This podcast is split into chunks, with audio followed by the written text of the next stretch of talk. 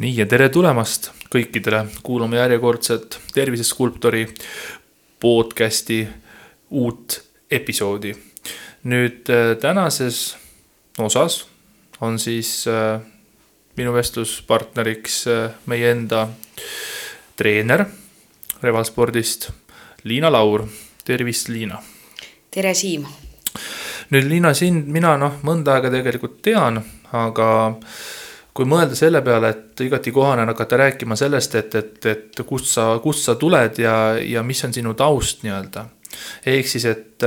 noh, mida me sinu kohta praegu esmajoones teame, et eks ole, sa oled siin treener, sa oled puutunud kokku ka nii-öelda fitnessi spordiga. sul on selline päris uhke nagu kliendibaas, sulle meeldib süüa teha. aga pigem võib-olla alguses pakukski huvi see, et, et noh, et et äh, kus sa nagu sellise alguse nagu said, leidsid üldse, et, et, et äh, millal tuli sinu ellu näiteks seesama kang ja kangitrenn? et äh, mis viisi ja, ja, ja, ja kuidas nagu sa ise selle juurde nagu ka jõudsid siis? kui ma päris sellist lugu hakkan jutustama, siis ilmselt selline pisik tuli minusse äh, alates sellest hetkest, kui ma ema kõhus nii-öelda esimest korda siis kangiga kokku puutusin kui sellisega. et äh, nimelt äh, mul on äh, perekond väga sportliku taustaga, nii ema kui isa, siis mõlemad on eluaegsed kehaehitajad. Ja kõik sai alguse siis sporditänavalt, kus mu isal oli jõusaal ja kus siis olid nii-öelda, kus möödusid ka minu esimesed trennid ja kus ma siis ka pärast sündi nii-öelda vankriga akna taga siis äh, oma esimesi äh, unetunnikesi magasin, et, et seal oli selline võib-olla esimene kokkupuude, mida ma oma elus niivõrd ei mäleta, aga kus mul siis üldse nagu jõusaaliga mingisugune kokkupuude oli. et hiljem sealt edasi, äh, kui ma juba nii-öelda oma siis äh, lapseiga mäletan, võtsid mind vanemad äh, igal võimalusel jõusaali kaasa. Äh, mäletan, et esimest jõusaali Flexerit väga hästi, kus siis ema-isa koos treenisid ja kus siis mina tegin selliseid nii-öelda lihtsamaid harjutusi, viskasin oma palli ja tegin mõned istesse tõsted ja ja et sinna nagu ulatub see ajalugu tagasi, et juba mm -hmm. tegelikult sellest ajast alates on minu jaoks jõusaal seostunud millegi igapäevasega ja mingi toreda kohaga, kus mulle meeldis viibida. aga näiteks, kui sa nüüd rääkidagi korraks, et võib-olla isegi mitte sinust alguses, aga sinu emast ja isast siis. et äh, nii palju, kui mina tean, siis sinu isa näiteks äh, äh vaata, kui me võime rääkida sellisest fitnessi kuldsest ajastust, eks ole, mis võiski seal olla, mis sai olla seal seitsmekümnendad, eks ole, kaheksakümnendad, siis äh, ka Eestis, nagu ma olen aru saanud, siis sinu isa oli ka üks nende eestvedamisi, olgu öeldud, et kes teab äh, Eesti selliseid kuulsamaid kulturiste ja fitness maailma inimesi, siis nii Indrek Otsust, aga ka näiteks äh, kindlasti on inimesed kuulnud ka Argo Aderist, siis äh, vastab vist tõele, nagu Argo on ka ise mulle öelnud, et sinu isa oli Argo Aderi esimene treener. Jah, täpselt niiviisi, et sealsamas sporditänaval, et esimese sellise algatajakava andis siis Argole Äh, minul nii-öelda isa siis äh, pihku, et ütles, et sellisel hetkel käis siis see treenerite kogu see süsteem siis äh, nii, et iga alustav sportlane, kes tuli saali, siis nii-öelda treener pööras talle tähelepanu, andis algataja kava, näitas need esmased harjutused ära, et mm -hmm. täpselt, täpselt nii, et, et sellel kuldsel ajastul, kus siis keha ehitamine või atleetvõimlemine oli küllaltki populaarne ala ja tema omakorda esimesteks treeneriteks, kes siis, keda tal alati väga meeldib tsiteerida, kindlasti Indrek Otsus ja, ja ka Annus, et kes, kes siis nii-öelda minu isa nii-öelda treenerite hulka kuulusid ja, ja kellega siis sel hetkel läviti ja kuna ei olnud ju siis sotsiaalmeedias niivõrd suurt informatsiooni kättesaadavust, siis kõik need bodybuilding ajakirjad, mis siis võib-olla kuidagipidi näppu sattusid ja, ja ikkagi põhieeskujud olid siis meie oma nii-öelda atleetide tipud sel hetkel mm. -hmm. aga kui palju su isa ise sellise spordiga nagu ma mõtlen võistlustasemel kokku puutus, et kas tema näiteks ka käis võistlemas või, või, või, või mida tema nagu omal ajal ära tegi? Tema võistles juuniorides ja võistles seetõttu, et sellel hetkel, kui ta hakkas tegelikult saalis käima, siis väga palju tööd tegid ära ka treenerid. et treener nägi saalis, et oli potentsiaali lavale minna ja siis treener omakorda suunas siis noori poisse võistlema. et kuna sellel hetkel äh, seda ala ikkagi taheti elavdada, siis väga suur roll oli sellel hetkel nii-öelda treeneritel, et võib-olla isa, ise ei tee, olekski tekkinud selline soov võistlema minna, aga just see treeneri innustus äh, minna proovida, et noh, mis seal juuniorides liidu tasemel seal teised-kolmandad kohad, et et kui ma olin, ma mäletan äh, väike tüdruk, siis ikka isa vahest näitas mulle neid äh, medaleid, et ütles, et oh, et, et see on niisama, et tema oli rohkem sihuke poolharrastaja, aga mm, -hmm. aga eks neid medaleid ikka juuniorides üksjagu tuli, aga noh, ütleme niiviisi, et, et isa on mul enda äh, äh, nagu öelnud mulle alati, et ole enda suhtes kui sportlase suhtes aus ja kõige muu eluvaldkondades ka, et, et ta nägi, et tal meestes potentsiaali ei olnud ja tema nagu siis selline keha ehitamine võistlustasemel jäigi ainult sinna nii-öelda juunioride kategooriasse. -hmm.. okei aga noh, isa kohta nii palju, aga kuidas sinu ema näiteks siia sobitub, et et, et kui palju nüüd nii-öelda sinu ema näiteks sellise trenni tegemisega kokku puutub, eriti just jõusaaliga, et ja kuidas nagu tema selle juurde ka sai, et kas näiteks, näiteks ma praegu eeldan, et kas see võis olla niimoodi, et näiteks, et su isa juba tegi trenni, siis su ema tuli tema ellu ja siis ema võttis ka trenni tegemise üle või, või kuidas sinu ema ja, ja trenni tegemine näiteks eh, kokku lähevad? No minu ema on jälle siis mõnus, nagu ma ütlen, kaheksakümnendates, kus siis naised olid pigem sellised, võimlesid rohkem jõusaalis, et eks nad tegid ka jõuharjutusi ja kõik oli sellisele hästi naiselikkusele ja, ja esteetikale nii-öelda üles ehitatud. et ta tegelikult on ka terve elu olnud äh, sportlik, et nii kergejõuslikud kui võimlemised. Äh, et sport on tema ellu nagu kuulunud ka noorest east saati. Ja siis ta avastas äh, enda jaoks mm, jõusaali,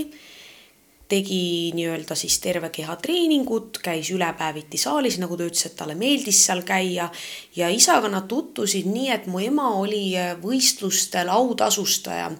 ja ema siis andis äh, isale nii-öelda siis äh, medali tema võistlustel üle siis seal nagu nende nii-öelda pilgud kohtusidki ja sealt edasi siis sai kogu äh, see teekond alguse siis nii-öelda nende suhteni ja, ja ka siis koos treenimisteni, et ema rääkis, et, et on ka nemad teinud üle trenni, et ka lausa kaks korda päevas saali sattunud, et mõelnud, et rohkem on ikka uhkem, et, et et selline, kuidas ma ütlen, et jõusaali nagu sellise lisa äh, kannustuse veel rohkem äh, seda teha, ilmselt ikkagi see, et, et öeldakse, et, et koos tehes, et siis kuidagi on veel nii-öelda need tulemused paremad, et eks nad siis seal koos keldris tõstsid seda rauda ka rohkem, et. see on väga äge, et, et selle pealt saabki nagu tuletada siis, et, et trenn viib inimesi kokku et äh, trennist äh, leiad sa kahtlemata endale sõpru, tuttavaid äh, ja miks mitte ka potentsiaalse tulevase elukaaslase, sellepärast mis on eriti äge, ongi see, et, et võib-olla siis see inimene, kelle sa leiad trennist, noh, see on siis sarnaste huvidega inimene sulle endale ja see ongi nagu väga äge, kui nagu mõlemad osapooled nagu on sellest trennist nagu huvitunud. et nii rasketel aegadel saavad nad ka üksteist nii-öelda toetada ja nii edasi. et see on nagu huvitav jah, et, et nii-öelda trenn nagu liidab inimesi, et, et just selline kasulik tegevus tervistav tegevus ja nii-öelda, kui see viib inimesi kokku, siis noh, ongi selline, et noh, siiamaani nad vist teevad trenni, eks ole. ja et äh, isa just seoses äh, lockdowni teise lainega, et äh, esimese laine lõpus ta ütles, et nii mulle nüüd aitab, et ma teen keldrisse endale koju jõusaali ja, ja eks nad seal nüüd siis praegu vahepeal saadavad mulle ikka pilte, videosid, et toimetavad aktiivselt siiamaani, et et mul tuleb just naljaga meelde, kuidas ema ütles, et, et noh, et, et me läheme koos trenni tegema, et ma pean lamades surumist spottima hakkama, et mm -hmm. nagu tore on vaadata, et et vanust on juba päris palju, aga siiamaani, et see on nende selline ühine hobi, et nad on mõlemad öelnud, et, et keha ehitamine kuni kõrge eani, et üks asi on esteetika, aga need tervise kasutegurid teatud vanuses, et need on juba niivõrd äh, tähtsad, et mm. -hmm. No sellega ongi see ka, et, et mind huvitab näiteks selline asi, et kui sa nüüd mõtled, et loomulikult see on raske nagu oletada, aga fantaseerime korraks, et äh, kahtlemata sinu vanemad andsid sulle sellist äh, positiivset eeskuju, eks ole, et trenni tegemine kätte võtta ja kuna sa juba lapsest saati nii-öelda oled selle trennikultuuri sees olnud ja selle sees üles kasvanud, siis oli igati nagu loomulik äh, järgmine samm ka, et ühel hetkel ikka sina hakkad trenni tegema, mida sa ka hakkasid. aga kas sa oskad näiteks oletada seda, et juhul, kui nemad ei oleks olnud trenni inimesed, vaid oleksid olnud täiesti trennikauged inimesed, kas sa oleksid siis ka Äh, selliseks trenniinimeseks ise saanud. kui palju nende eeskuju mängis rolli selles, et sina selle asja juurde jõuaksid? ma arvan, et päris palju, pigem tihtipeale on äh,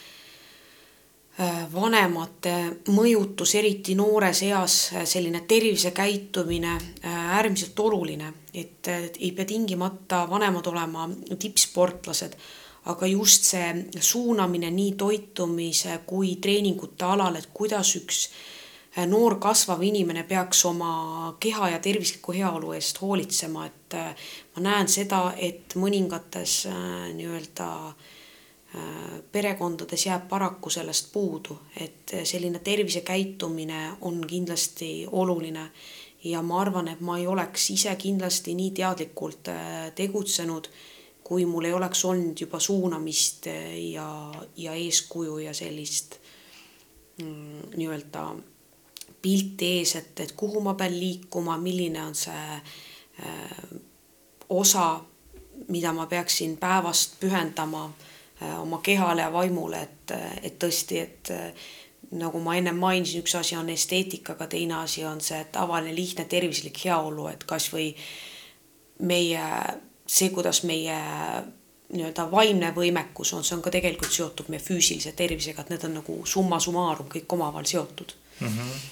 kahtlemata nad sõltuvad üksteisest nagu, et äh, aga noh, kas, millal sa nagu õigemini, millal sa hakkasid siis nagu ise aktiivselt nagu teadlikult nagu trennis käima, et üks asi on see, et sa olid vanematega nagu seal spordisaalis kaasas ja viskasite palli koos nii-öelda, nii-öelda lihtsalt äh,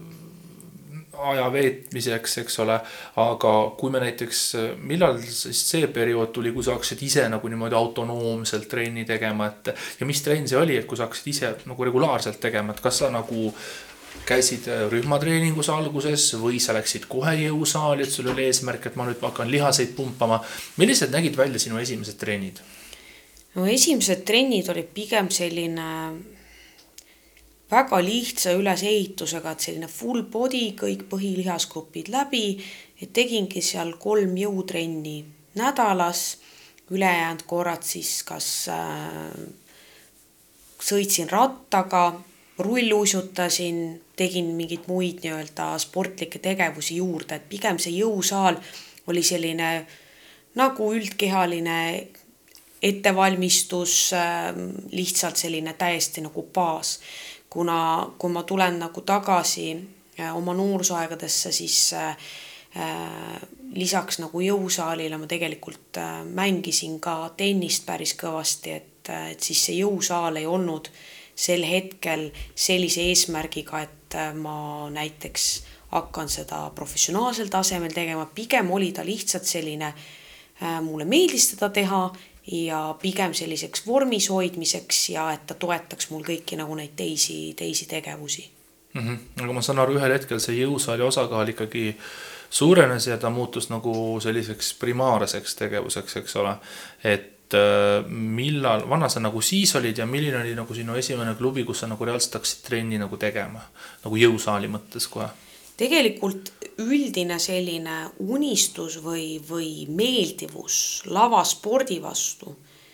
äh, kuna siis mul vanemad võtsid mind väga palju kulturismi fitnessi võistlustele kaasa, siis ma mäletan väga hästi, kuidas mulle selgitati, et äh, kui me nägime kalmust laval, kiivikat laval, et mille järgi hinnatakse, kuidas kõik proportsioon, mida kohtunikud hindavad nägin esimesi, sel hetkel ei olnud isegi bikiini fitnessi olemas, kui mina siis äh, ka juba esimesi võistlusi tegelikult nägin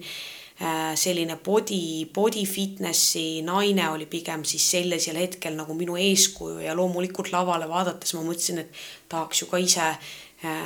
sama esteetiline välja näha mm. -hmm. aga sihukese tugevama treeningu juurde, kui ma tulin ja hakkasin nagu täitsa iseseisvalt treenima, oli vist bakalaureuse ajal, kui ma kolisin perekonnast eraldi elama ja hakkasingi siinsamas Reval spordis treenima. kuigi noh, siis seda ei saa nimetada ka nüüd ma, kui ma tagantjärgi mõtlen seda nagu ma ei nimetaks niisuguseks tõsiseks treeniks, aga ütleme nii, et ma lendasin siis pesast välja ja toimetasin siis endiselt oma, oma, omapäi full body eh, treening siis eh, kava järgi edasi. Ja siis sealt edasi nagu mingil hetkel mõtlesin ja vaatasin, et nagu, et jääb nagu kuidagi lahjaks ja ja, ja esimesed sellised äh, mm, ma ei mäletagi, mis aastal bikiini fitness kui selline tuli, aga ma mäletan, et siin Revalis oli täitsa mm,, ma mäletan Aleksandra Laeri kusjuures ühte, ühtesid esimesi ka, kes äh, kes või hakkas võistlema bikiini fitnessis ja siis ma neid esimesi bikiininaisi nägingi ja tekkis kuidagi nagu üldse selline mõte, soov ja võib-olla tahe, et et ehitada oma keha selliseks siis nagu, nagu nii-öelda bikiini fitnessi treenijatel on, et, et mõte, et võiks nagu hakata tugevamalt trenni teha mm, -hmm. tegema aga kui ma korraks äh, kerin natuke tagasi, et, et äh, kui sa mainisid seda, et, et sa nagu vaatasid lavapealseid võistlejaid ja vaatasid seda body fitness'i, eks ole et äh, sinu, sina oled ikkagi siis selline inimene, kellele nagu meeldib selline nagu vaata noh, selline bikiini on ikkagi selline vormis olek või selline väiksemad lihased. Body fitness on ikkagi selline suhteliselt tugeva sellise lihaskonnaga siis selline naiste selline iluala, et kui paljudel inimestel näiteks on selline tunne, et oh, et ta on nagu liiga musklis ja see on minu jaoks juba selline eemaletõukav, siis sinul ikkagi selline selline tugev lihaskond ikkagi põhimõtteliselt nagu oli meeltmööda siis, et sa tahtsid samastuda sellega? pigem oli nii, et kuna alguses, kui body fitness tuli, siis ta oli väga sarnane praegusele bikiini fitnessile, kui me mõtleme esimestele bikiini fitnessi võistlustele, siis oli põhimõtteliselt äh, see, nagu me võtaks spordiklubis kõige parema vormis oleva naisterahva, paneks talle bikiinid selga ja saadaks lavale, et see ala ei olnud sel hetkel nii kaugele arenenud ka body mm -hmm. fitness. et pigem oli siis body fitness nagu meie praegune bikiini on, et võiks nagu niiviisi võrrelda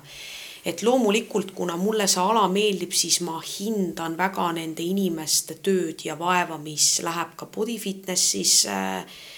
äh, nii-öelda siis äh, noh, kuna ma tean, ma olen ikkagi seal nii-öelda mõnevõrra sees olnud, siis ma tean, kui raske on seda vormi saavutada. ma väga hindan nende inimeste tööd ja mina vaatan äh, võib-olla kogu seda kulturismi, fitnessi sellise teistsuguse pilguga, et, äh, et minu jaoks on see sport ja mina suhtun ka sellesse nagu sporti, ehk siis minu jaoks ei ole seda, et äh, võib-olla mingi asi on nagu too much mm. -hmm okei okay,, aga nüüd, äh, kas ma siis saan aru, et kui sa hakkasid nagu trenni tegema, sa tegidki peamiselt jõusaali, et rühmatrenni sa väga palju ei puutunud? ma pean ausalt ütlema, et ma kuidagi terve elu selline nagu üksik hunt olnud, et see jõusaal on olnud äh, mitte ainult ka see, et keha voolida, vaid see on see hetk, kus äh, mina teen oma vaimule võib-olla tunniks ajaks sellise restardi, et ma lähen omasse maailma, panen oma muusika mängima ja ma kolistangi seda rauda siin natukene omaette ja, ja kuidagi ta on, äh, seal on väga mitu tahku, mis, mis mulle meeldib, et et kindlasti rühmatreeningutes ma niimoodi pisteliselt ikka käisin, aga kuidagi sihuke mu nagu hing on eluaeg olnud äh, kiskunud sinna üksinda rauda kangutama. kas see on sellepärast, et sulle meeldib üksinda teha või see on sellepärast, et sa tunned, et nagu see töö, mida lihased teevad, on teistsugune, et sellist rasket rauda tõstad ja nii-öelda see klassikaline, mida paljud nagu näiteks noh, meie endi kogemuses näiteks naiskliendid ütlevad, et lihased hakkavad kohe kasvama või lähevad nagu punni, eks ole, tekib see pumpefekt sinna lihaste sisse. et sulle pigem, kas sulle see treeningu iseloom siis meeldib versus see üksi tegemine kindlasti ütleme nii, et rühmatreening äh, võib täiendada äh, jõutreeningut, aga ma leian, et ka iga rühmatreeningus käiv inimene peaks tegema sellist sõna otseses mõttes tavalist kangi tõstmist, sest et kahte asja tegelikult äh, omavahel ei, ei anna võrrelda. juba see, et kui sa jõusaalis treenid, siis meie geneetika on väga erinev. meie äh, nii-öelda siis vajadused on erinevad, et jõusaal annab sulle äh, võimaluse hästi individuaalselt ja spetsiifiliselt äh, töötada just äh, selle kallal, mida sul on näiteks rohkem vaja teha, ma, see on kasvõi pisike näide, naisterahvas, kes on, kellel on pigem puust dominantsem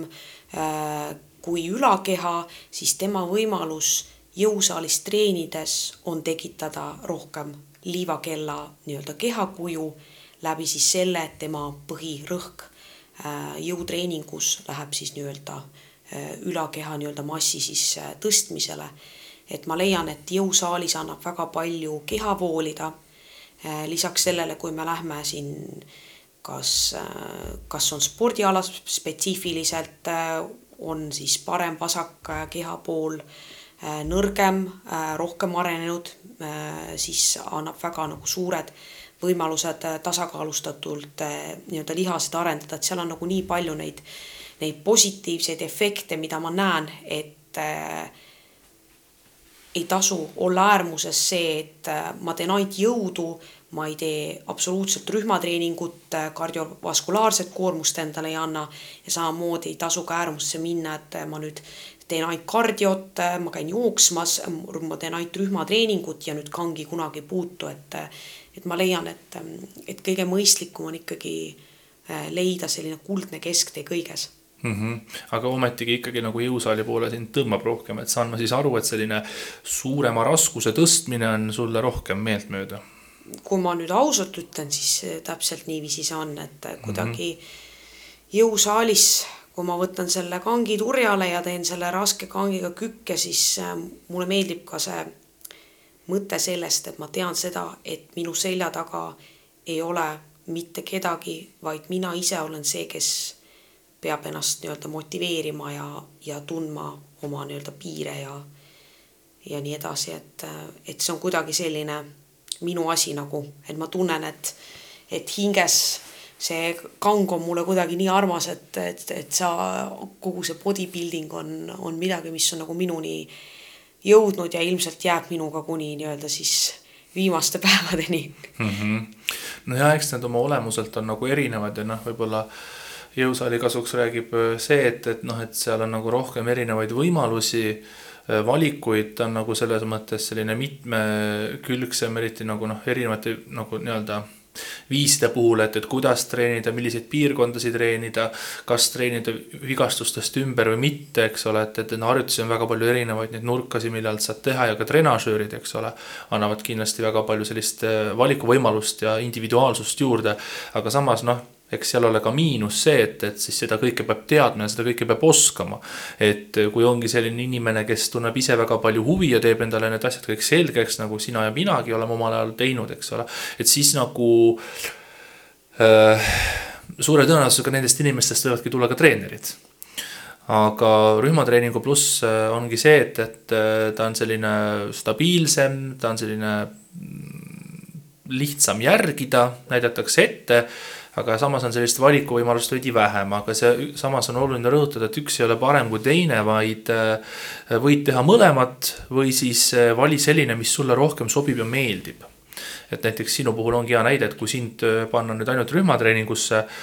vastu sinu tahtmist siis kindlasti ei oleks võimalik äh, sul seda väga jätkusuutlikult teha, sest sulle ei meeldi see. ja paljude teiste klientidega ka, et me ei saa neid jõuga jõusaali panna, kui neile meeldib rühmatreeningut teha, see muusika emotsioon. et äh, siis jälle see jätkusuutlikkus ei ole, et mulle alati meeldib seda meeldivuse faktorit nagu tõsta esile, et, et number üks on see, et asi peab meeldima. Äh, ja siis sealt vaatame juba edasi, et kui palju ja kui raskesti ja nii edasi aga sinu puhul on see, et mida ma ka tean, on see, et enne kui sinust nagu selline treener sai, siis sa ikkagi proovisid sedasama äh, võistlussporti ka teha. et äh, kui kaua sa nüüd selle jõusaaliga tegelesid, enne kui sa reaalselt võtsid vastu selle otsuse, et proovida esimest korda võistlussporti ka. et kui kaua sa olid treeninud ja, ja tegelikult ütle ka seda, et milline su areng üldse oli, et arenesid sa kiiresti või, või oled sa nagu selline aeglane reageerija treeningule ütleme nii, et kui ma esimesteks, täiesti esimesteks võistlusteks valmistusin, need olid need bikiini lahtised äh, meistrivõistlused, ma mäletan, need olid veel Tondiraba jäähallis. kui ma ütlen ausalt, siis ega mul väga õrna aimu ei olnud, mis ma, mis ma päris tegin, et äh, nii dieedi kui siis äh, treeningute poolt, et olin üsna selline katse eksitusmeetodil nii-öelda tehtud kõik ja ja eks ta lõppes ka sellise mõnevõrra suure pauguga, et äh, saavutasin siis seal viienda koha. Mm, kui ma ei eksi, minu pikkuse kategoorias oli äh, kümme võistlejat, mitte siis nüüd nagu nii halb tulemus, aga oleks võinud sellel hetkel väga palju teadlikumalt teha, et kindlasti üheks suureks veaks oli see, et nagu ma olen rõhutanud, ka treeneril peaks olema treener või mentor, kelle juures käia küsimas. et sellel hetkel tegelikult ei oleks olnud vaja ise pusida, vaid äh, võtta keegi, kes, äh, keda ma oleksin usaldanud ja teinud siis võib-olla esimese sellise vormi ühe teadliku nii-öelda treeneri käe all. et äh, ütleme nii, et lihasmassi oli suhteliselt vähe, vorm oli kuiv. pigem ongi see, et mm, ma olen nagu kõigile, kes, kes kuidagi nagu äh, selle alaga siis äh, tahavad tegemist äh, teha, mõtlevad võistlema minna, öelnudki, et esimesed võistlused forsseeritakse üle, et arvatakse seda, et nagu läheks Arnold Klassikule võistlema, et tegelikult tasub võtta suhteliselt rahulikult, et tegu on sinu esimeste võistlustega ja pigem mitte rutata sinna lavale minema, vaid andagi oma kehale aega, et sul oleks, mida laval presenteerida mm. -hmm. et seda nii lihasmassi mõttes kui ka see, et aru saada, et kuidas sinu keha nii-öelda siis üldse eh, dieedile ja toitumisega manipuleerimisele nii-öelda vastab. et sest, et tegelikult kogu sellise, mis puudutab keha ilu, esteetikat, et ja, ja seal on ka väga palju, loeb sinu geneetiline potentsiaal, et kuidas kasvõi kui hästi su keha vastab siis nii-öelda üldiselt jõutreeningule, kui ruttu sul see lihasmass nii-öelda kasvab, sest nagu me teame, naistel on lihaseid üldse üsnagi, üsnagi raske kasvatada ja, ja sinna juurde see toitumise faktor, et kui varmas on sinu äh, keha siis äh, nii-öelda keharasvast vabanema, et kui kerge või raske vaevaga on sul võimalik üldse nagu dieeti teha, et kõiki nagu neid asju äh, esimestel võistlustel ja üldse alguses peaks nagu tõsiselt kaaluma ja vaatama treeneriga üle, et kui, et noh, mis on nagu sinu potentsiaal üldse selle ala juures. Ja tehagi need nagu need esimeste võistlustega nagu pigem proovida, vaadata ja siis teha nagu edasised plaanid ja mõtted ja kalkulatsioonid, et eh, mis ja nagu kuidas edasi mm. -hmm. no see on nüüd selline, ütleme kokkuvõte siis nii-öelda või selline soovitus sinupoolne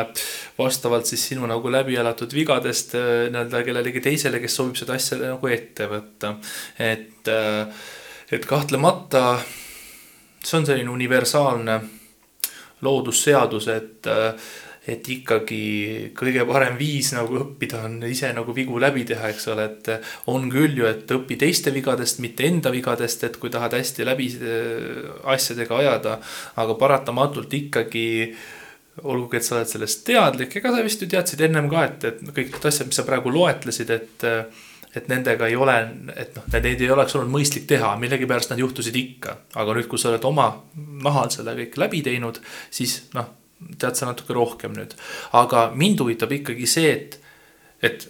räägi sellest momendist, millal käis see klõps su peas läbi, et sa nüüd otsustasid, et okei okay,, et vot nüüd ma lähen võistlema. et mis siis pidi juhtuma või, või kuidas see mõte sinuni tuli, kuidas see otsus sinuni tuli, et ma võtan selle teekonna ette ja ma proovin ära selle nüüd? pigem esimest korda, et see praegu kogemus, millest ma rääkisin, see oli täiesti selline esimene lavale minek, kus tegelikult ma olingi nagu siil udus natukene, et ma nägin ainult seda ilusat lõpptulemust, aga ma ei teadnud, mis on selle taga ja ma nagu ei saanud vist päris lõpuni aru, et tegu on ikkagi spordiga. et kui ma nüüd teist korda siis läksin ja sain oma nii-öelda Pärnus seal ka siis teistkordsetel võistlustel sain siis nii-öelda teise koha ja ma tegin ära kõik need vigade parandused, see oli ka põhjus, miks ma tahtsin kindlasti uuesti lavale minna, et teha paljusid asju teisiti, targemalt äh, nii-öelda muutused sisse viia Äh, teadlikumalt treenida, teadlikumalt dieeti teha, kuulata rohkem oma keha ja nii edasi. et äh, siis siis võib nagu öelda seda, et äh, sel-, sellest hetkest nagu alates äh, äh, ma tundsin, et, et seda ma tegelikult nagu, kuidas ma ütlen, loeksin nagu siis oma päris esimeseks korraks, sest et siis ma nagu teadsin, et ma olin enda jaoks nagu kõik need faktorid läbi mõelnud, et tegu on spordiga, sport äh,, lavasport, igasugune üldine äh, tegevus, mis läheb harrastusspordist välja, nõuab pühendumust, mis on kõik, kõik need parameetrid sinna juurde, sellepärast et kui ma esimest korda läksin, siis mind lihtsalt paelus ähm, selle ala naiselikkus ja ilu ja mul ei olnudki nagu mingit sellist äh, õiget eesmärki, ma ütleksin niiviisi. aga juba siis hiljem, kui ma tegin äh, oma teise vormi vigade paranduse, siis minu nagu see eesmärk oligi võib-olla see, et vanadest tehtud vigadest ja sellest, mis ma olin enda jaoks nagu läbi mõelnud, äh, jõuda siis läbi selle äh, oma selle nii-öelda lõpptulemuseni. Ehk siis Äh, ütleme siis nii, et, et minu nagu teine võistlus oli see, kus ma tegin nendel õigetel eesmärkidel seda sporti, ma tahtsin ennast ületada, ma tahtsin olla toitumisest targem, treeningut targemini üles ehitada ja need kõik need muud parameetrid sinna juurde ja arvestada loomulikult sellega, et tegu on võistlusspordiga, tegu on subjektiivse alaga ja nagu mõelda sellest asjast nagu tõeline sportlane, mitte lihtsalt, et et sa oled noor ja vaatad, et midagi on väga ilusat, et sa ei saa mitte ühtegi sporti teha sellepärast, et sa vaatad, et see visuaal või lõpptulemus sulle meeldib, vaid sa pead aru saama selle spordiala nagu sisust ja lähtuma sellest, et, et äh, sa teed seda selle asja nagu sisu pärast, mitte nagu ainult selle lõpptulemuse pärast mm. -hmm. no vaata sinu kohta ei saaks öelda, et sa oleksid vormist väljas kunagi olnud või, või, või, või ülekaaluline või väga kehvas vormis. aga kui sa kasutad oma treeneri teadmisi praegu, äh, tuletad sellest oma klientide näitel ja oma kogemust nagu võistlemisega, siis äh, võib-olla inimesi huvitaks see, et mis sa arvad, et kui raske on ülekaaluline ja selline vormist väljas inimene. kui raske on sellisel inimesel ennast kätte võtta ja saada siis sellisesse normmõõtu ehk siis äh, harrastaja mõistes vormi. kui raske see teekond on võrreldes sellega, et regulaarne treenija nüüd hakkab tegema võistlusvormi ja üritab ennast nii-öelda siis väga kuivaks nii-öelda saada. et öö, kumb on nagu raskem füüsiliselt ja vaimselt, eriti kui noh, vaata, kui sa mõtled selle peale, et nagu sellel regulaarsel treenijal, tal on harjumus sees aga kahtlemata vormi saamine sellisel tasemel nõuab ka veidi nii-öelda ohverdusi siis erinevate toiduvalikute ja sotsiaaleluga ka. ja nii-öelda enesetunne kindlasti ka läheb teisest otsast juba ühel hetkel raskeks või siis näiteks on raskem sellisele inimesele, kes ei ole üldse harjunud ennast liikuma, kellel ei ole seda harjumust sees, kes äh, peab võitlema sellega, et diivanilt nagu lahti saada ja sinna trenni minema ja tal on raske, ta ei jaksa, ta nagu ei kaifi seda trenni väga. et kas nagu see harjumuse tekitamine versus see distsipliini pidamine, et kumb nagu sinu arvates nagu raskem on? ma arvan kindlasti, et raskem on see, kui äh, sa oled ülekaaluline mm, -hmm. sul ei ole harjumust sees ja sa pead hakkama trennis käima, sul on võib-olla noh, väga paljudel, kes on minu juurde jõudnud, äh, põhiasi on ikkagi see, et äh, asi ju ei saa esteetikast alguse, vaid asi saab alguse tervisest, ülekaal, mm, ülekaal ülekaaluks, väljanägemine väljanägemiseks. aga lihtne näide,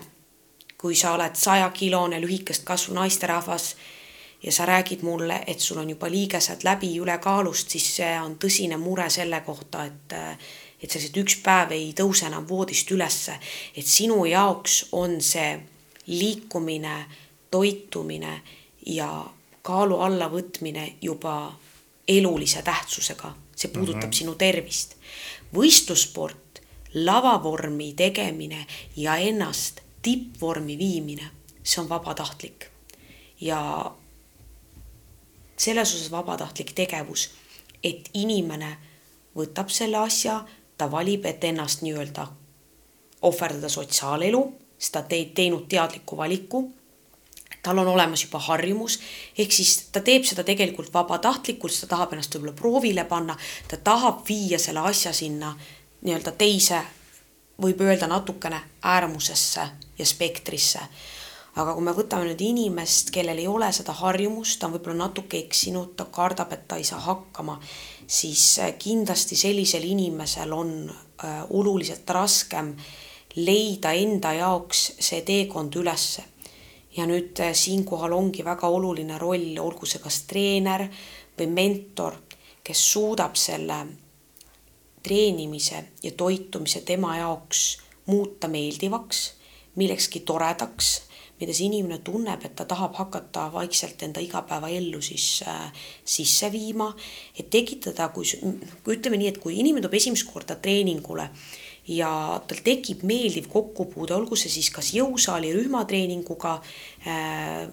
oma toiduvalikutega, siis ta vaatab, et, et ahah, et tegelikult trennis käia on täitsa tore, ennast liigutada on mõnus äh,, tervislik toit maitseb hästi, küsimus on selles, kuidas seda valmistada. ma arvan, et ma saaksin äh, sellega hakkama ja see nii-öelda jõukohasuse printsiip sinna juurde. ja nüüd, kui see inimene suudab selle harjumuse endale siis nii-öelda need muudatused harjumuse näol sisse viia ja samas on tema kõrval inimene, kes teda julgustab, äh, süstib temasse rohkem enesekindlust, tunnustab teda kas või väikeste edusammude eest, siis ühel hetkel hakkab see nii-öelda see asi kõik liikuma ja siis, kui ta leiab selle suuna üles, tal tekib harjumus, siis on suhteliselt suur võimalus, et see inimene nii-öelda liigub ikkagi sinna normaalkaalu suunas. et kindlasti äh, olen ma selles veendunud, et selline inimene, kes on terve elu ebasportlik, et tema selline stardiplatvorm on ikkagi raskem mm. -hmm. no tegelikult see, mida sa praegu siin nagu mainisid, on hästi huvitav. et tegelikult, mida me näeme selle mm, diivani peal vormist väljas inimese puhul, aga ka sellise võistleja puhul, kes ennast äärmusesse viib, on siis see, et nagu sa ütlesidki nagu spekter, et ühes otsas on madal äh,, madal distsipliin selline ja selline harjumus. ja teises otsas on siis väga kõrge distsipliin et need tegelikult need ongi äärmused, sellepärast et madala distsipliiniga inimene, selline enesekontrolli ja kehvade harjumustega, äh, ta nii-öelda toitub ja kehvemalt kui keskmine inimene võiks ja liigub vähem kui keskmine inimene võiks. et tema selline liikumisharjumus ja distsipliin, enesekontroll on nagu väga nagu madal et see on üks äärmus ja kui me lähemegi teise äärmusesse nii-öelda, et tegelikult ega siis võistlejate nagu maailm ka nagu selline pidu ja pillerkaar ei ole, et seal on ka väga palju kannatusi ja pigem ma ütleksin, et väga palju tarbetuid kannatusi. ehk siis tihtipeale võib-olla siis tarbitakse toitu vähem, kui tegelikult peaks, eeldusel, et saada paremat vormi või siis äh, erinevaid toitaineid nagu süüakse väga piiritletult, eks ole, et ongi, me toome selle näite praegu, et riiskana brokoli, eks ole, kuigi võiks mõnda teist toiduainet ka süüa. et tihtipeale nagu reguleeritakse seda üle või seda distsipliini on isegi tarbetult palju. et mõlemal juhul, nagu sa tõid selle treeneri rolli siia sisse, et sõltub, millele nagu treener spetsialiseerub, siis ongi, et äh, mõlemast äärmusest tegelikult on vaja inimest tuua tagasi keskpunkti. loomulikult, kui keegi tahab võistelda, siis ei, ei pea seda võistlejat tooma keskpunkti, aga pigem nagu vältima seda, et ta ei laskuks äärmusesse. aga vormist väljas inimese puhul loomulikult, et äh, kui inimene on väga vormist väljas, kehvas vormis, siis me ei saa eeldada, et ta homme läheb meil viite kilomeetrit kõndima ja niimoodi iga päev teeb. ja hakkab ja, ja viskame tal köögikapi kõigest tühjaks toidust. vaid mõlemal juhul see protsess tegelikult võiks toimuda väga väikeste sammude ja suunistega, eks ole. et, et mitte nagu üleöö ma olen sellega nõus ja olen ka selle, selle mõttekäiguga nõus, et me elame maailmas, kus põhimõtteliselt kõik uksed on valla, aga äärmused järjest enam süvenevad mm. -hmm. seda siis nii inimesed, kes on ülikriitilised oma figuuri, äh, oma toitumise suhtes. Äh, nad on äärmiselt kontrollivad. ja see teine spekter, kui inimene on kõigele käega löönud, et ideaalmaailmas oleks see kuldne kesktee. sest äh, kui me jõuame jälle siiasamma kuldse kesktee juurde, siis jõutreening äh, dieedi tingimustes, kui sa tarbid vähe, su keha on pidevalt nagu defitsiit ütleb millegi puuduses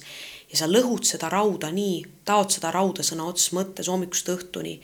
siis see ei ole absoluutselt kuidagi kasulik äh, sinu tervisele, et lõpuks nii-öelda lagundavad protsessid äh, võidavad siis sinu tervislikku heaolu. Ja sama on ka selle teises äh, spektris, et kui sa istud diivanil ja sa oled seda mm, toitu äh, saanud ülekülluslikult, su keha on pidevas plussis, tal on millegi ülejääk, siis need on kaks väga sellist kauget spektrit teineteisest ja see jõutreening, jõusaal võiks olla seal kuskil keskel ja samamoodi ka see toitumine. et kui inimene tahab äh, alla võtta, siis ta nii-öelda toitub nii et tal tekib väike energia puudujääk, tal on toidulaud küllaltki mitmekülgne, ta suhtub äh, jõutreeningusse ja üldisesse sporti nagu heasse tööriista, millega ta saab oma tervist parendada. Samas ta ei nagu ei kuritarvita neid kumb, kumbagi nagu seda spektri äärmust, et, et väga raske on tihtipeale seda mõtet edasi kanda ka, ka inimesteni, et äh, olles ise töötanud nii äh, tavasportlaste kui siis natuke kokkupuudet ka võistlussportlastega, siis äh, tihtipeale on see, et inimesed tahavad ikkagi natuke nii-öelda äärmustesse kalduda ja siit saabki alguse lihtne mõte, et me, meie enda nii-öelda äh, pea ja enda selline mõttemaailm on väga oluline korda saada, mõtestada lahti, miks sa trenni teed. et seal on loomulikult esteetika spekter, see, et me tahame kõik sportlikud välja näha, sest et äh, esteetiline keha kindlasti tõstab meie enesekindlust, aga see, et see esteetika ei oleks ainus mõte, miks treenida, see tervisliku heaolu aspekt sinna juurde ja ka võib-olla lihtne mõte sellest, et ma tahan kuni kõrge eani olla vitaalne, see on ka see üks põhjus, miks ma teen jõusaali. tervislik toitumine, et see toetab minu treeninguid ja ka minu vaimutööd, võib-olla igapäevane töö on seotud hoopis äh, numbritega, see, et minu nii-öelda pea sõna otseses mõttes hästi töötaks, et ma suudaksin igas eluvaldkonnas endast maksimumi anda, et nagu mõelda kõige, kõiki asju äh, kui ühte tervikut aga kiputakse võtma nagu pusletükke ühest ja teisest kohast ja unustatakse ära nagu see terviklik pilt ja maailmavaade mm. -hmm. noh, need äärmused, eks ole. Kui me nendest äärmustest praegu rääkima hakkaksime, siis mida mina omalt poolt oskan sinu jutule näiteks praegu lisada, on siis see, et et äärmused suurenevad. nii trenni hullus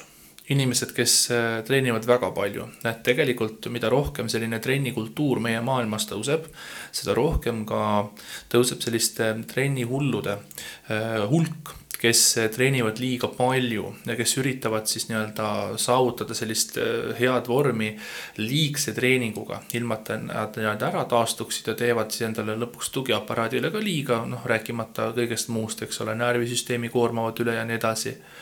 ja kahtlemata ka see, et äh, inimesed võivad erinevaid äh, siis probleeme, nii-öelda kas siis sotsiaalseid või psühholoogilisi probleeme tulla nagu jõusaali nagu maha matma. mis osaliselt nagu toimib ja ta on mõistlik, aga ta ei tohi olla ainus lahendus probleemide maandamiseks. et see on see trennihullude äärmus tõuseb teisalt äh, tõuseb ju ka ülekaalulisus, eks ole, aga ülekaalulisusega on see, et, et äh, ma oskan tuua sellise umbkaudse suurusjärgu, mitte täpsed numbrid, aga kui selliseid treeningsõltlasi või, või liigseid treenijaid, kes treenivad kohe niimoodi, et nad kahjustavad ennast rohkem, kui nad võiksid treenida. Äh, on mingisugune protsent võib-olla kõikidest inimestest, kes trenni teevad. või populatsioonist on üldse, ta on alla protsendi maailma nagu populatsioonis. siis tegelikult see on päris väike protsent. aga ülekaalulisuse protsent on mõnes riigis lausa viiskümmend protsenti mõnes lausa kuuskümmend protsenti, meil on ta vist isegi kolmandik või, või nelikümmend protsenti. et populatsioonist, kes on nagu ülekaalulised, ehk siis me näeme seda, et justkui noh, ühelt poolt võib sõnum olla, et ärge väga palju trenni tehke üle mõistuse, et see ei ole ka hea, siis tegelikult see probleem, liigne treenimine on ikkagi marginaalne selle kõrval, mis toimub teises äärmuses. ehk siis see ülekaalulisus ja see, mis on tegelikult ju rasvumine, on täiesti epideemia tänapäeval. me küll puutume kokku praegu pandeemiaga, aga rasvumine on epideemiline ja noh, kui ikkagi me samad teed pidi edasi lähme, küll siis see rasvumine ka ühel hetkel pandeemiaks muutub. aga pigem ongi võib-olla oluline nüüd siin käsitleda ka seda, et jah trennihulle peab loomulikult ka treener tagasi hoidma ja selgitustööd tegema, aga suurem fookus peab ikkagi minema sellise vähese liikumise ja ülekaaluga, ülekaalu tekkimise ennetamiseks. ehk siis, kui palju näiteks sina oma näidetest saad tuua sellist väga vägevat sellist muutust, et kedagi, kes on kas siis kaalu väga palju alla võtnud või oma eluharjumusi täiesti muutnud, et, et tema elu on, näeb sootuks teistsugune välja võrreldes sellega, kui sina näiteks selle inimesega võib-olla tutvusid näiteks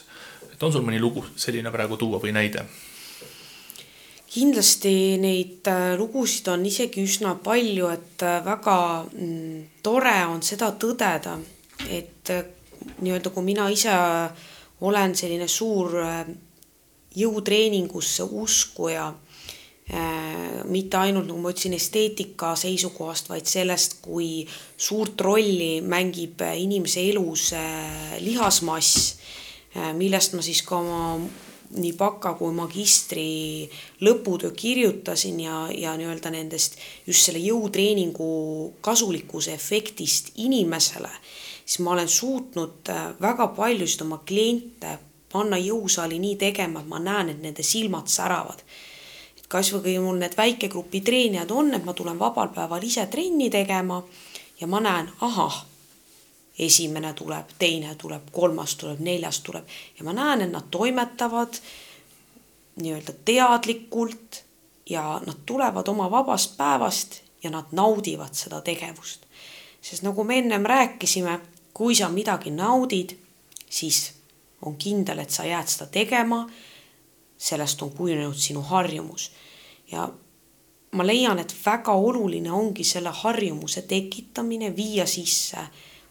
väikesed muudatused, mida ma ka alati kõikidele oma klientidele rõhutan, et ei ole niiviisi, et nüüd mina hakkan treenima homsest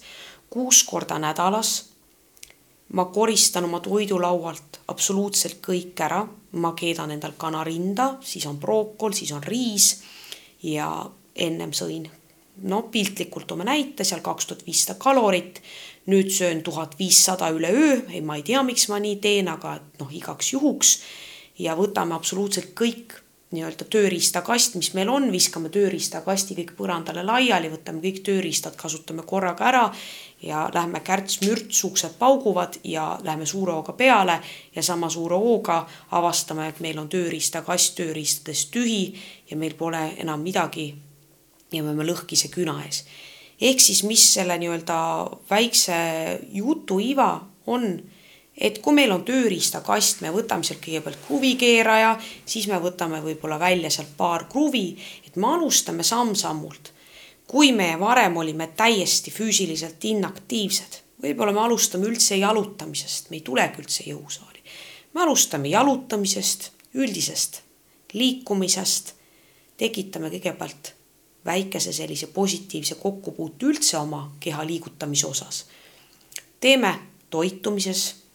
lihtsad muudatused viime sisse, et kui me oleme varem tarbinud näiteks karastusjooke, söönud ohtralt maiustusi, siis kõigepealt lõpetame ära suures koguses karastusjoogi joomise, maiustuste tarbimise ja teeme nii-öelda mõningased lihtsad muutused ja tavaliselt nendest hakkab siis nii-öelda see esimene minek pihta. siis me näiteks lisame kaks korda nädalas jõusaali üldise jälle liikumise, jalutamise on näiteks kevadine aeg, inimene ütleb, et vot mulle meeldib rattaga sõita. siis ma ütlengi, et kui sa armastad rattasõitu, et sa ei pea seda kardiot tegema ting-, tingimata siseruumis, võtagi oma ratas. kolmandale meeldib rulluisutada, neljandale meeldib näiteks metsa all sürkida või, või jalutamas käia. kuuendale meeldib spinningutunn, ma ütlen, aga siis tuleb käia spinningutunnis ja näiteks sinna juurde siis, kui sa käid mul väikegrupis või personaaltreeningus, et siis paneme näiteks kaks-kolm korda nädalas jõusaali ja ülejäänud siis korrad jaotame nii-öelda muude liikumiste alla ära ja teeme siis vastavad korrektuurid ka toitumises, et, et need, need kaks poolt viia omavahel kokku. Ja seesama tööriistakast, mis meil seal oli, millest ma rääkisin, sealt tööriistakastist me võtame kogu aeg vähehaaval neid tööriistu välja, sest kui meil on seal kastis on meil suur kast, kus meil on väga palju nii-öelda asju, millega me saame seda teekonda muuta sujuvamaks, aga samas olla kindlad, et pidevalt toimub kogu aeg areng, siis see on see viis tegelikult, kuidas me kindlustame, et inimene naudib protsessi, ta jääb seda tegema ja sellest kujuneb välja tema harjumus. sest et kui me teeme midagi, mis meil on vastumeelne, mis ei sobitu meie elustiiliga,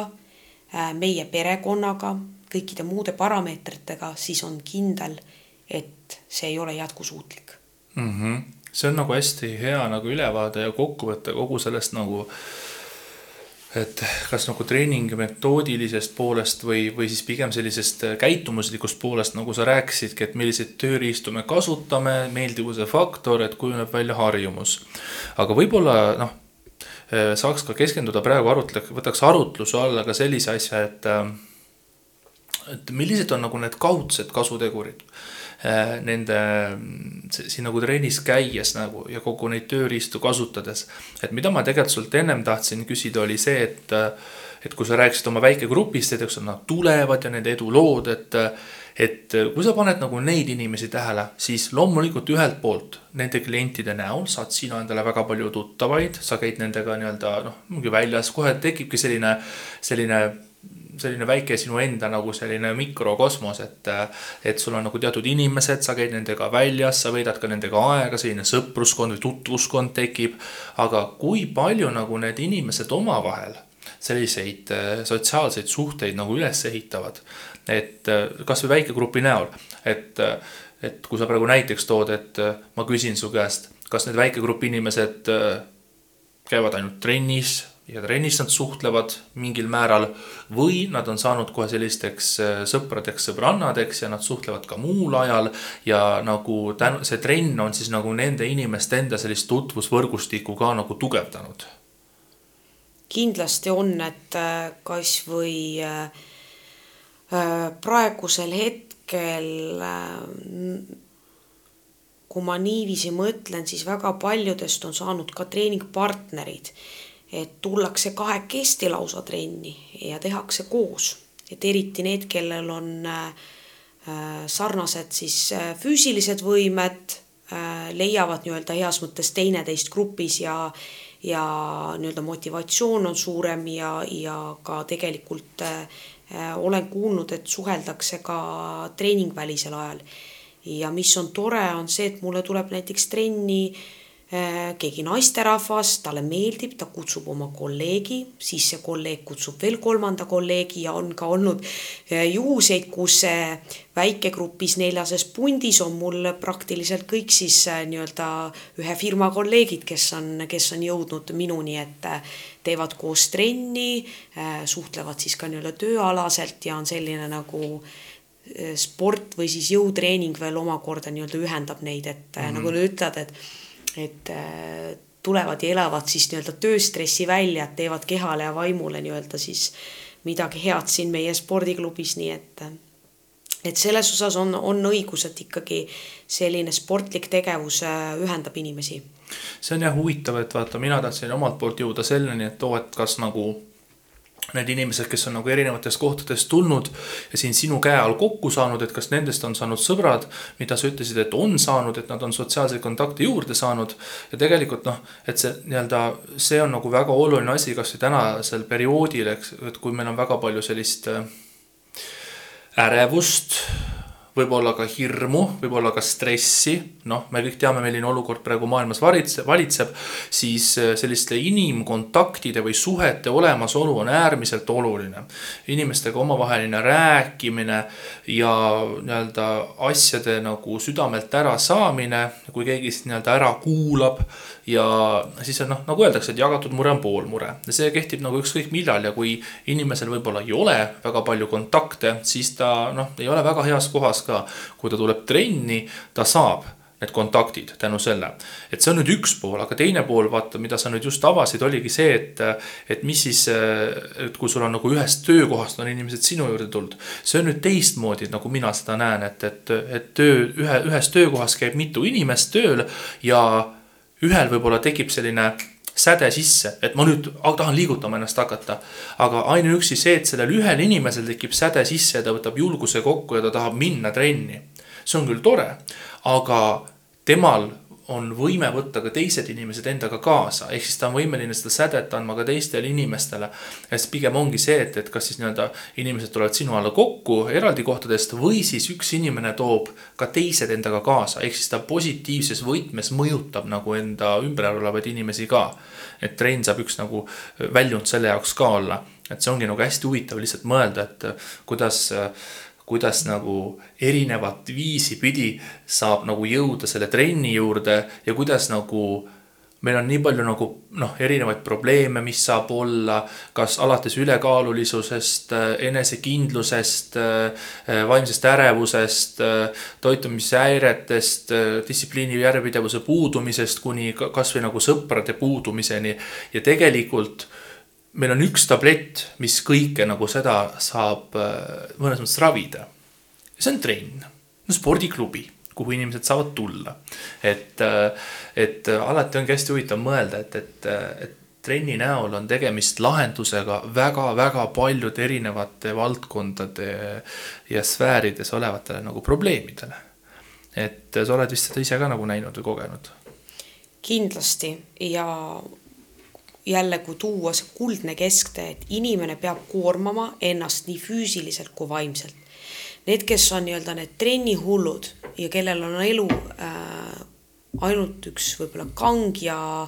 ja mõtleb, et mitusada grammi kana ma äh, täna endale võin lubada, et, et see on nii-öelda see teine äärmus, et kui su elu koosnebki siis ainult sellest ühest spektrist samamoodi teine pool, kui on ainult tegu puhta vaimutööga, äh, näiteks arvutis, ma toon näite, lood mingisugust äh, toodet ja sinu igapäevane töö on seotud ainult puhtalt äh, vaimse nii-öelda performance'iga ja sul ei ole füüsilist liikumist, siis see samamoodi viib siis sind sellisesse äärmuslikku seisundisse, et inimene tahab saada nii vaimset poolt kui füüsilist ja nüüd, kui sa istudki seal terve päev otsa kontorisse, tuled, saad jõusaalis selle nii-öelda tasakaalustava poole kätte. ja sama ma soovitan ka inimestele, kes on väga suured äh, spordifanaatikud ja kes teevad väga palju äh, nii-öelda siis just oma füüsilise kehaga tööd, leida endale juurde ka mingi asi, mis neid vaimselt kõnetab. et kui need kaks asja kokku viia siis on vähem ärevust, on vähem depressiooni, on äh, vähem äh, keha äh, nii-öelda düsmorfiat või siis söömishäireid, et kumbki see äärmus viib siis nii-öelda nende samade eelloetletud probleemideni. aga kui hoida seda kahte poolt võimalikult tasakaalus, siis ma olen veendunud selles, et kõik need erinevad ärevused, äh, depressioonid ja ka siis nii-öelda negatiivses mõttes kõrvalkalded tegelikult äh, taanduvad. ehk siis kindlasti on spordil väga suur roll, aga oluline on ikkagi see jälle, et me kogu aeg räägime kuldne kesktee, kuldne kesktee. see on niivõrd lihtne asi kaks sõna, kuldne kesktee, aga millegipärast äh, seda järgida on, mina tunnistan ausalt ka, ka mina olen, olen igasugustes äärmustes oma elus võib-olla siis natukene ära käinud. aga kui üritada selle järgi vähemalt kasvõi natukenegi elada, siis see tegelikult äh, viib nende soovitud tulemusteni, et äh, nii ta on mm. -hmm. et äh, noh, sa ütlesid kuldne kesktee, aga kui me tahame midagi muud öelda või milline näiteks see sinu sõnum oleks siis praegu nagu siin lõpetuseks öelda kogu selle jutu peale, et nagu lühidalt, et, et äh, kas siis kuldne kesktee või teisisõnu äh, mõõdukus on võti või et selles suhtes, et äh, nagu lõppsõnaks öelda niimoodi, et et keegi ei ole öelnud, et see peab lihtne olema. ei pea lihtne olema ja ta ei olegi lihtne. pigem peame olema meie tugevad kuivõrd lootma selle peale, et mingi asi oleks lihtne. me peaksime nii-öelda nagu jõusaalis või trennis, meie eesmärk peaks olema saada tugevamaks. aga meie eesmärk peaks olema saada tugevamaks ka päris elus, et erinevate probleemidega toime tulla. mitte mitte nagu lootma selle peale, et, et ümberringi oleks nagu elu lihtsalt nagu lihtne. et selline mõnes mõttes väike karastatus on nagu, on nagu ka oluline. ehk siis me teame seda tegelikult me ju kõik teame, mida on vaja, et saada vormi. tegelikult me ju teame kõik seda, et mida on vaja, et võtta kaalust alla. toitu vastavalt, söö vähem, liigu rohkem, vastus kõigile probleemidele äh, nii-öelda just kehakoostise vallas laiast öelduna. et tihtipeale inimesed tegelikult teoreetiliselt paberi peal, nad teavad, mida nad tegema peavad. aga just see, nagu sa mainisid, et reaalsus, et reaalsus on teine, et meil on retsept olemas aga me ei oska seda retsepti järgi seda äh, gemüüset kokku keerata. et äh, ja siin ongi see, kus tuleb siis nagu appi nii treener või mõne teise valdkonna spetsialist, on ta siis nagu toitumisvallas või, või vaimse tervise vallas. et, äh, et ikkagi on mõistlik, et me kõik teame, mis on lahendus, aga tihtipeale me ei saa üksinda sellega hakkama, selle protsessi läbiviimisega ja seal on vaja nagu sellist teise inimese kätt või nagu, mis hoiaks või meid, nagu juhiks edasi selles suhtes, selle eesmärgi suunas. et äh, protsess on just see, mis või protsessi läbimine järjepidevalt on see, mis on nagu keeruline ja mõne inimese jaoks võib-olla väsitav. et mida sina sellest arvaksid ja kuidas sa kogu selle jutu näiteks omalt poolt praegu kokku võtaksid? Äh, ütleme siis niiviisi, et äh, inimestel on retsept olemas tihtipeale on igas eluvaldkonnas vaja kannatust, järjepidevust ja kannatust. meil on, päevad ei ole vennad, ma ütlen seda alati kõigile, motivatsioon tuleb ja läheb. oluline on see, et sa tead seda lõppeesmärki, lõppeesmärgi sa jaotad vaheeesmärkideks.